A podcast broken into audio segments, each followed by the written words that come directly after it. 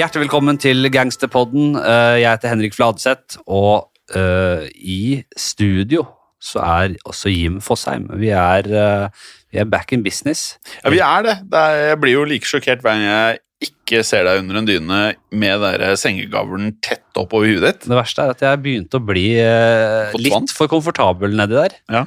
Det ble litt for lett å jobbe plutselig. Du hadde veldig komf. Det er klart at hvis, hvis, man, hvis man kan velge et liv under dyna eller ute og flyr, jeg vet ikke, nei, man blir lei av å være under må Man må bli lei av det. Ja, Jeg satt og så på deg der du lå. Det, det så ut som sjuende far i huset. Det er greit å komme seg ut, ass. Men det er det pandemien har lært oss, at det er ikke alltid man trenger å dukke opp fysiske møter. Neida. og man kan, øh, Pandemien kombinert med teknologien har gjort at øh, vi har muligheter til å leve jævla komfortabelt til tider. Og det er skummelt. Det er litt skummelt. Ja, altså Jeg har eh, venner som eh, Jeg føler de har bodd tre fjerdedeler på hytta de siste to årene. Ja.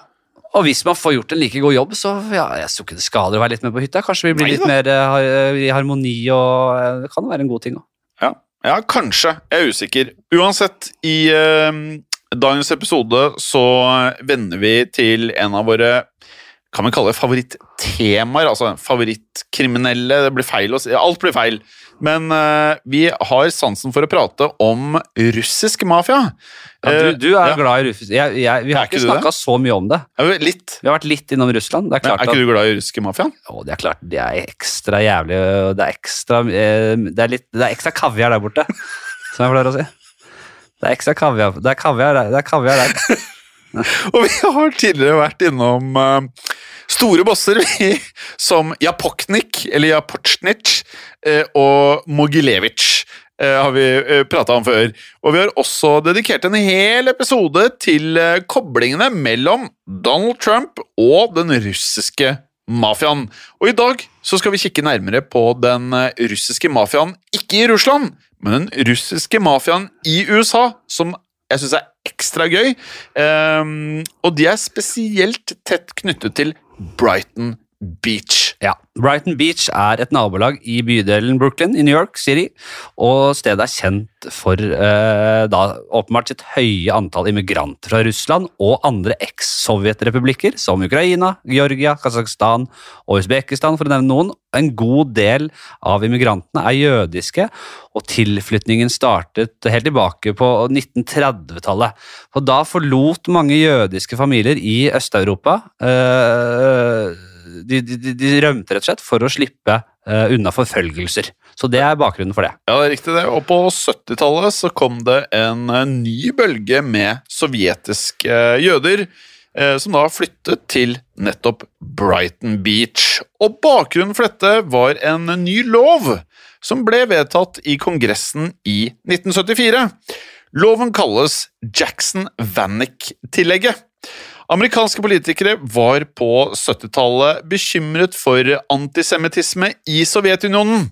Mange jøder ønsket å emigrere til Vesten, eh, selvfølgelig da, men ble hindret av sovjetmyndighetene, som da ikke ønsket at de ressurssterke, og også da høyt utdannede ofte personene, skulle forlate unionen. Ja. Men da amerikanerne vedtok dette nevnte lovtillegget, så ble jo også handelsavtalen mellom USA og Sovjet eh, satt på spill, eh, spill eh, ble forverret i eh, enda større grad, og dette kunne ikke sovjeterne risikere, rett og slett. Resultatet ble at over 600 000 jøder fikk lov å immigrere til USA, mens russerne sørget for at eh, det ikke bare var lovlydige borgere som reiste. Der fikk de sin lille hevn, da, eh, kan du si. Eh, For de hemmelige tjenestene KGB eh, de åpnet nemlig opp da konsentrasjonsleirene sine, gulagene som det het, og slapp løs massevis av harde kriminelle. Og vi snakker mordere, psykopater og selvfølgelig da mafia. Ja, og da får du eh, litt forskjellig. Slik at den russiske mafiaen de eh, vokste faktisk frem i disse Gulag-leirene, der forbrytere og selvfølgelig da opposisjonelle fant sammen og dannet et slags bratva, som da betyr brorskap. Og disse kriminelle de ga seg selv hedersbetegnelsen Vovvozakyon, som eh, eh, oversatt til engelsk betyr noe sånt som thief in law.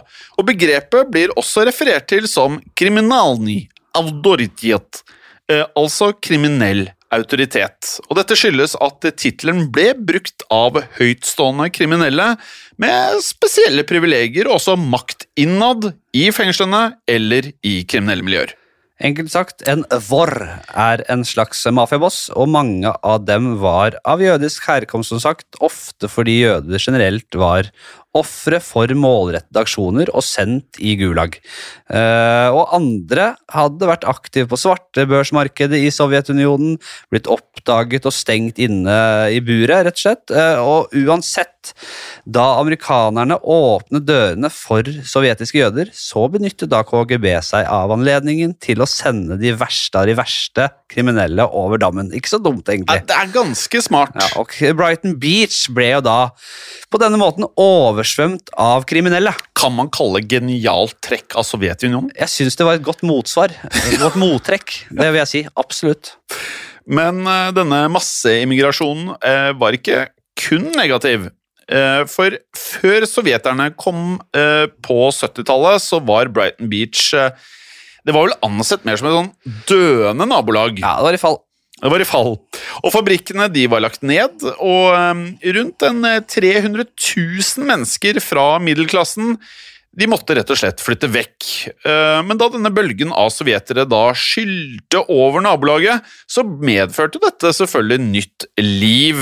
Og på kort tid så oppsto det flere butikker, det var slakterier, nattklubber, alt en måtte tenke seg, som da plutselig ble blåst liv igjen, samt et stort utvalg av russiske kafeer. Jeg jeg ble nesten litt gira på å teste det ut. Eh, restauranter og også eh, bakerier. Ja. Dette kan jeg like. Ja, det fikk nytt liv, rett og slett. Brighton Beach fikk eh, da tilnavnet Little Russia, eller Little Odessa, en referanse til den ukrainske byen Odessa på kysten av Svartehavet der. Området ble også kalt The Land of Pelmeni, matrusjkas, tracksuits and vodka. og pelmeni er da en uh, sibirsk uh, slags uh, lokal rett. Ja. ja. Du nevnte at det var litt sånn potetete. Ja, noe et eller annet sånt. Og ja. matrusjkas er jo disse dukkene med flere lag. disse ja, altså, Hva du kaller det gamle som babusjkaer? Babusjka kan man kalle det. Men, ja. Og et annet ord er matrusjka. Ja, åpenbart. Og i gatene så gikk praten på russisk eller andre språk fra Sovjetunionen, og kulturen var så, ja, så russisk som du kan få det. Ja, men, veldig veldig russisk der. Ja, men det her, jeg liker det. Ja, det, altså, USA Pelmeni, er jo Det ser nesten uh, ser ut som sylta poteter eller noe sånt. Ja. Det går vel ikke an? Eller går vel kanskje an? De, de eter jævla mye svineri borti der. Det kan, det kan, si mye bra om russerne òg, men, men, det er mye, maten er mye er Ikke mye. noe kritikk over Russland, for dere hører jo, hvis du er russisk og du hører på dette her Jeg vil jo til dette området her for å oppleve tracksuits og vodka, men jeg var i Moskva, og det er vel et av de få områdene hvor det var et eller annet med krydder eller et, hva det måtte være, som gjorde at eh, jeg var ofte på Mækkern. Ja.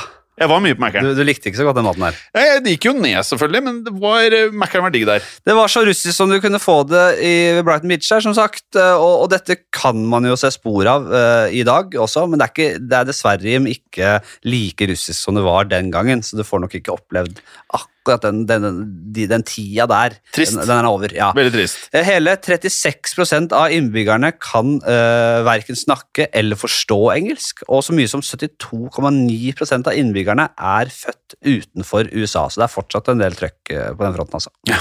Brighton Beach uh, var da med andre blitt et hva kan vi kalle det, blomstrende og livlig nabolag på 70-tallet. I hvert fall så høres det sånn ut for meg. Eh, og dette skulle også fortsette ut på 1980-tallet. Men det var også mange tegn på at ikke alle nyankomne hadde rent mel i posen. For eksempel så ble det et vanlig syn å se gamle boligblokker som ble revet, for deretter å bli erstattet med luksuriøse eneboliger, gjerne i ting som jeg også kan sette pris på. Jeg liker marmor, eh, og jeg liker også Altså, her var det ekstravagante hager med flotte, svære mahognimøbler, gjerne dyre og, og overdådige. Jeg liker alt dette her. Det er noen kulturer som ikke har så mye jantelov og, som vi er vant til. Så det er jævlig mye sølvmøbler. Gull! Sølv og gull, gull. og jævla pretensiøst, uh, pompøse greier. Ja. Russerne elsker jo det. det og gjerne ikke ekte varer, men farga som gull. Ja, det skal være farga som marmor, ja, ja, sølv eller gull, så er det fint. Og jeg liker det. Ja. Og, og, i stedet for uh, syke, fattige fattige og gamle mennesker med matkuponger, så kunne man se, nå se da rike, unge russere som kjørte rundt i Lexuser. BMW-er, eh, Rolls-Roycer, oh. gjerne med kofferter stappfulle av penger, eh, forfalskede ID-kort, førerkort, drosjelisenser, var lett tilgjengelige. Ja, for det må jo alle ha, selvfølgelig. Ja, ja, Taxisjåfører og andre i lavtlønnede yrker kunne egentlig over natta vise seg å være milliardærer, de. Så det var helt lotto, dette, disse tinga her. Man trengte ikke å være FBI-agent for å forstå at noe hadde skjedd. Nei. eh, Det er klart liksom å ha taxiløyve og tjene masse penger, det er jo fint skalkeskjul, da. Eh, det du beskriver her, uh, Flatseth, er jo at uh, russerne de hadde tatt over Brighton Beach. Alle butikker, alle forretninger eh, var nå med tiden blitt eh, knyttet til mafiaen. Dette har vi jo pratet om i andre episoder med den italienske mafiaen. Eh, enten gjennom et direkteeierskap, eller ved at de rett og slett betalte mafiaen beskyttelsespenger. Altså i gåstegn beskyttelsespenger. Det har alle lytterne i Geirsboden nå forstått. Det er ikke nødvendigvis beskyttelse for noen andre enn mafiaen selv. På nattklubben, som hadde det passende navnet som jeg kan elske, nemlig Rasputin, eh, så var mafiaens kontroll eh, helt åpenbar, den var synlig, dørene på toalettene var skuddsikre, Fladseth! Ja. Det er nyttig. Det er nyttig, det er klart at du, du, du, du, skanser de ganske greit. Det er mange kuler som har gått gjennom toalettdører og tatt livet av folk. Eh, mannen som satt på toppen av det hele, var Agron. Eh, og han har blitt omtalt som the godfather of the Russian American Mafia. Eh, og Agron han kom til USA i 1975 som følge av denne uh, Jackson Vanik-tillegget. Dette Jackson Vanik-tillegget Sammen med tusener andre immigranter så kom han over, uh, og en av disse andre var Boris Neifeld. Eh, en hviterusser med kroppen dekket av tattiser, og Neyfeld han gikk for å være en simpel tjuvradd eh, til å bli Agrons sjåfør og livvakt. Og hva har vi lært om det å bli en mafiaboss-sjåfør, Fladseth? Nei, det, det, det, det er nok sikkert de som bare blir der, men det er ofte et springbrett. Ja, altså Det er som å bli eh, Ben Afflecks assistent. Altså, du blir superstjerne.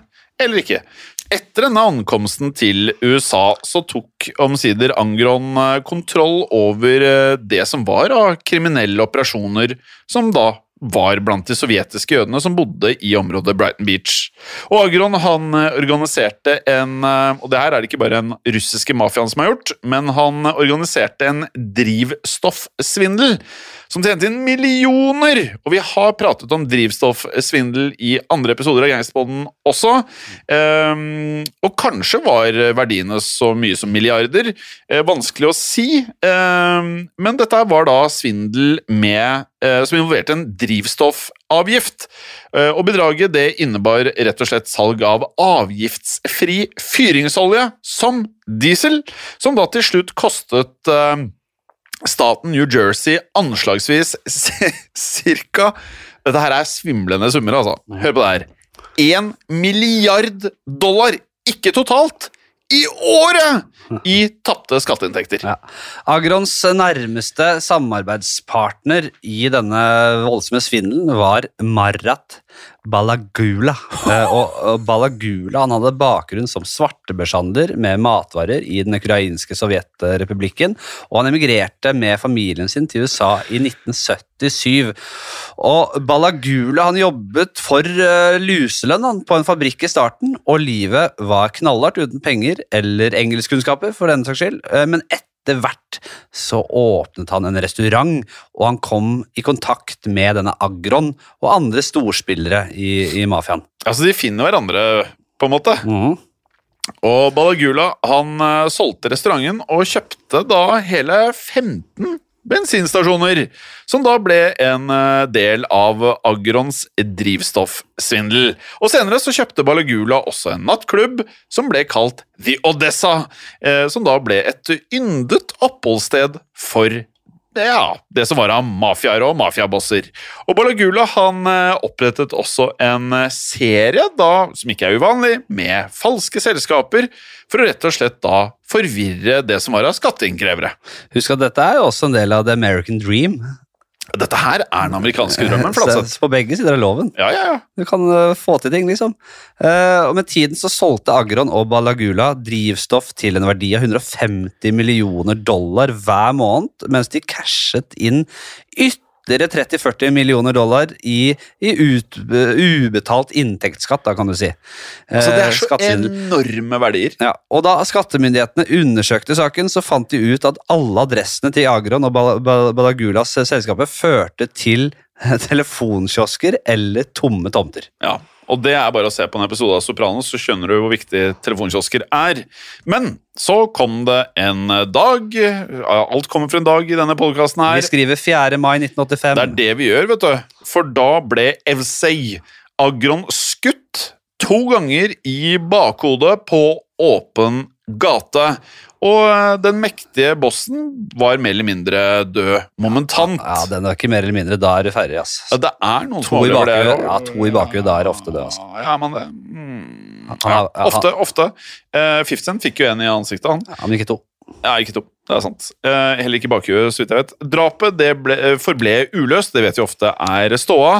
Men Agrons eh, egen livvakt, altså Nayfeld, han ble mistenkt for å ha vært involvert i eh, angrepet. Og i så fall så tydet det på at Balagula var mannen som sto bak. For Balagula han tok over som øverste boss i Brooklyn, og Nayfeld ble hans eh, gåstein enforcer. Men alle var ikke like fornøyde med at Balagula tjente seg nå søkkrik og holdt all makt i sine egne hender.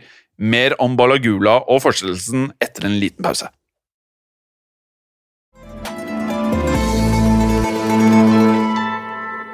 Før pausen så hørte vi at Marat Balagula, altså den eh, ukrainske immigranten og storsvindleren, tok over som boss i den russisk-amerikanske mafiaen. Året var jo da selvfølgelig 1985, og det var ikke uten grunn at Balagula klarte å nå toppen, eh, Flatseth. Nei, det var ikke det, for Balagula han var ikke til å kødde med. altså. Han, eh, altså en tidligere aktor fra Suffolk eh, County, New York, han sa følgende om han. Alle i Brighton Beach snakket om Balagula med lavt stemmeleie. Dette var folk som kjente ham fra gamlelandet. De var virkelig genuint redde for denne fyren. Balagulas eh, rikdom gjorde han til en eh, ja, rett og slett legendarisk skikkelse i Brighton Beach, men hver gang innbyggerne i nabolaget ble spurt om hva han jobbet med, så sa de alltid at Balagula var i bensinbransjen. Ja, eh, Men Balagulas enorme suksess den tiltrakk seg da oppmerksomhet fra andre gjenger. Og da eh, mener vi da både rivaliserende russere, men selvfølgelig den italiensk-amerikanske mafiaen. For de ville jo da ha en bit av kaken. Og en underboss i en annen familie som vi har pratet om flere ganger i Gangsterboden, en eh, viss Colombo-familie, som da var en, eller er en av New York-mafiaens eh, fem familier, eh, sendte av gårde en eh, soldat til Balagula for å da rett og slett true han. Og det han da valgte å true med, det var en hammer.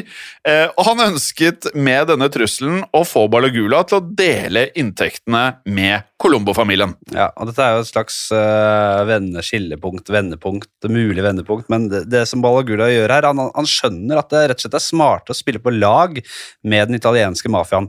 Og I 1986 så inngår han en avtale med Lucchese-familien, eh, også en av de fem store. Eh, og avtalen gikk ut på at Lucchese-familien mottok andeler av inntektene fra drivstoffsvindelen, mot at de da beskyttet Balagula og hans partnere. Og svindelen ble etter hvert den nest største inntektskilden for Lucchese-organisasjonen, kun overgått av, anarkohandel. Ja. Men eh, Balagulas eh, avtale med ja, de fem familiene ble jo ansett som et eh, slags svakhetstegn av en rival, altså en annen sovjetjødisk gangster ved navn Vladimir Rez Reznikov. Og enkelte hevdet til og med at Reznikov sto bak drapet på eksbossen Agron, som da var året før. Og Reznikov han var jo også en del av drivstoffsvindelen, men følte at han ble snytt for de aller største grunkene her, da. Og avtalen med italienerne det føltes som dråpen som fikk begeret til å renne over. Og Resnikov han eh, ble ekstremt sint og bestemte seg omsider for å sende en eh, relativt tydelig beskjed. Ja, Resnikov han kjørte til Balagulas kontorer han i Brooklyn og åpnet ild mot eh, kontorbygningen med en AK-47, eh, og da mener du alvor. Og en av Balagulas nære medarbeidere ble drept, og flere sekretærer ble såret her. Og så, 12.6.1986, så gikk Resnikov inn på Balagulas nattklubb The Odessa i Brighton Beach. Resnikov han presset da en 9 mm Beretta mot eh, skallen til Balagula og krevde 600 000 dollar, 13,5 millioner kroner, for å ikke blåse huet han der og da. Men du kan jo si bare et hvilket som helst beløp, da. jo da. Du kan bare si bare 'jeg skal ha Ja. Der og der, så du sier ikke Hadde du bedt om 400 000 dollar, så hadde jeg Men eh, ja. Um, Resnikov han eh, krevde også en prosentandel av alle Balagulas inntekter. Eh, selv om Balagula umiddelbart gikk med på dette, så skal Resnikov ha truet med å drepe Altså, han sa ja, men ble etterpå truet med å bli drept, men også at han skulle miste hele familien. ja. Så du, du, du gjorde det du fikk beskjed om, men så ble du truet etter du gjorde det du fikk beskjed om. Det er ganske hardt. Og ifølge vitner som var til stede, så skal Resnikov ha sagt følgende på russisk. Fuck with me and you're dead. You and your whole fucking family. I swear. You understand? Ja.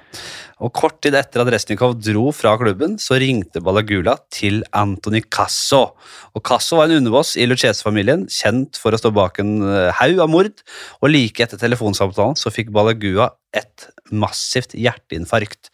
Eh, han insisterte imidlertid da på å bli behandlet hjemme, der han følte at det ville være vanskeligere for Resnikov å få tak i han. Så han var ganske livredd rett og slett på dette tidspunktet. Ja, altså Nå vet jeg at nå, jeg innser at Resnikov kom liksom brått inn her, Ja. men han var en sværing. Storfisk. Han var sværing. kødder heller ikke med, altså. Det er, Ja. De var knallere, det hele den gjengen. Alle Ja, ja. var. Og da han derre Antony Casso ankom Balagulas hus, så lyttet han til eh, Balagulas historie.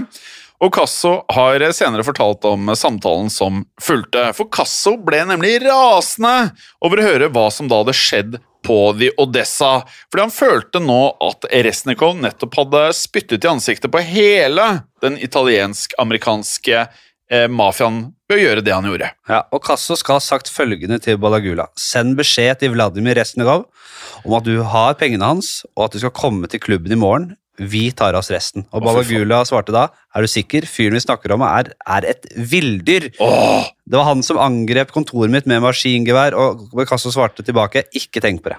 Vi lover at vi skal ta oss av han her, ok? Og Casso spurte i tillegg, hva slags bil kjører han? Har du et bilde av han? Ja, altså, Når du sier det, så høres det ikke så sjukt ut, men det er ganske Nei, nei, men, sjukt. du, du, ja. men her, de hardeste står på de hardeste. Det var, det var store krefter i sving, da, for å si det sånn. Krefter, ja. Dagen etter så kom Resnikov til eh, nattklubben han for å da hente pengene sine. Da han da omsider skjønte at Balagula ikke var der, så klikket det fullstendig for Resnikov, som da stormet tilbake til parkeringsplassen. Og der skulle det skje at Resnikov ble skutt hele seks ganger i armen, beinet og i hoften av en leiemorder fra nettopp den italiensk-amerikanske mafiaen. Og attentatet på Resnikov ble forsegla da med en syvende kule rett i hodet, og Casso skal senere ha uttalt følgende. Etter det hadde ikke Marat Balagula noen problemer med noen andre russere. Nei.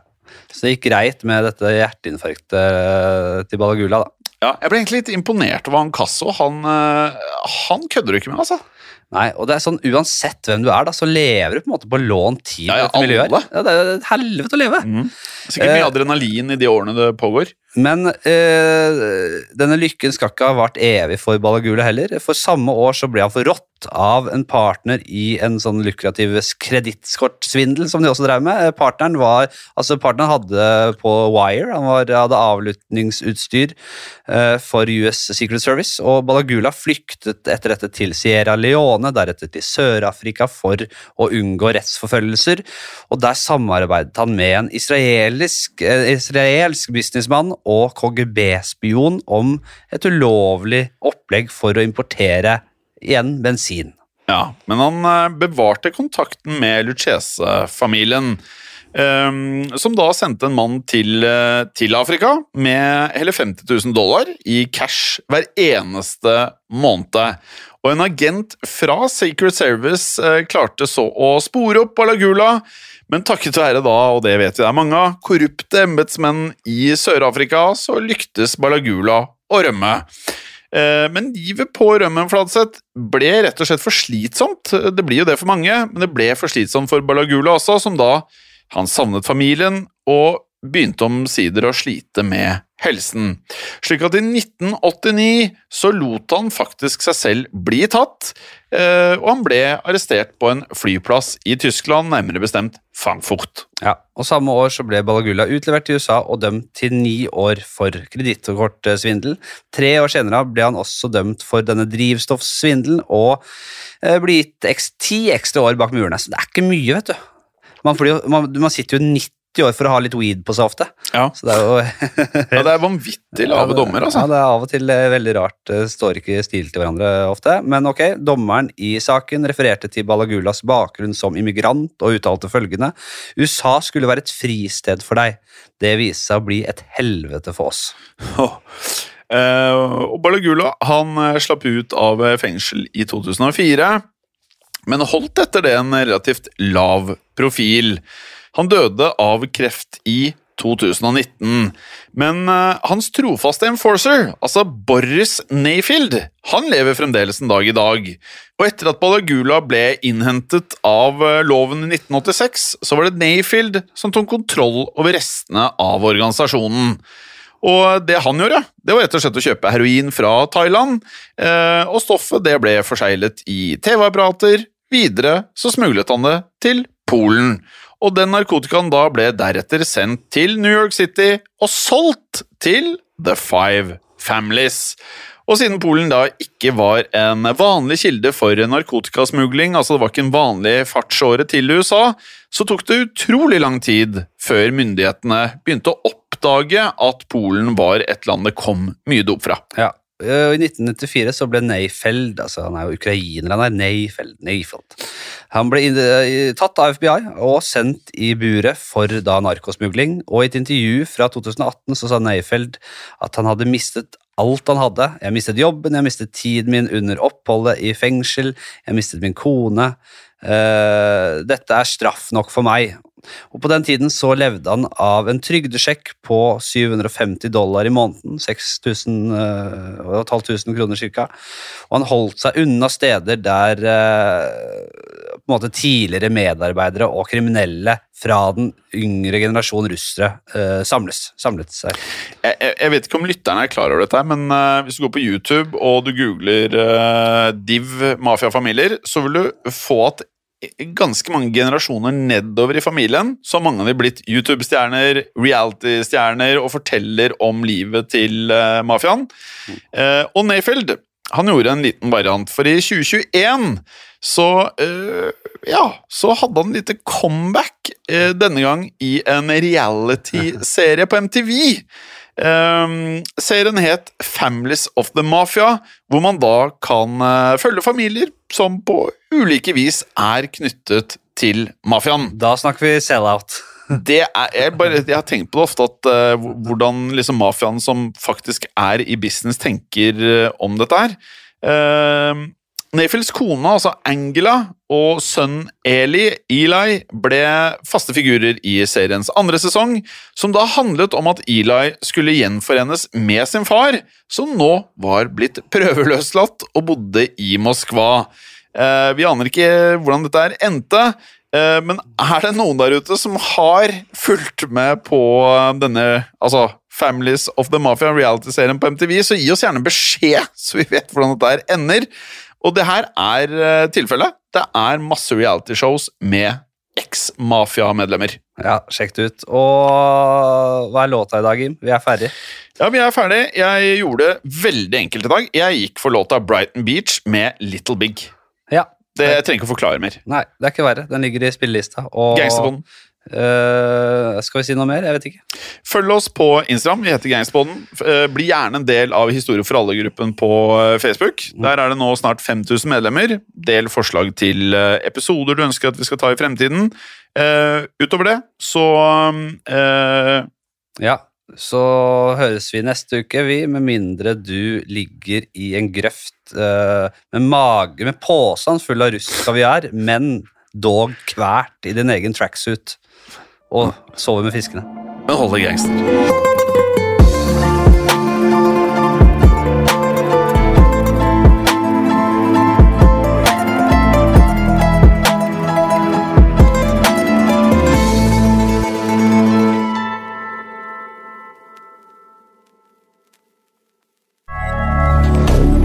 moderne media.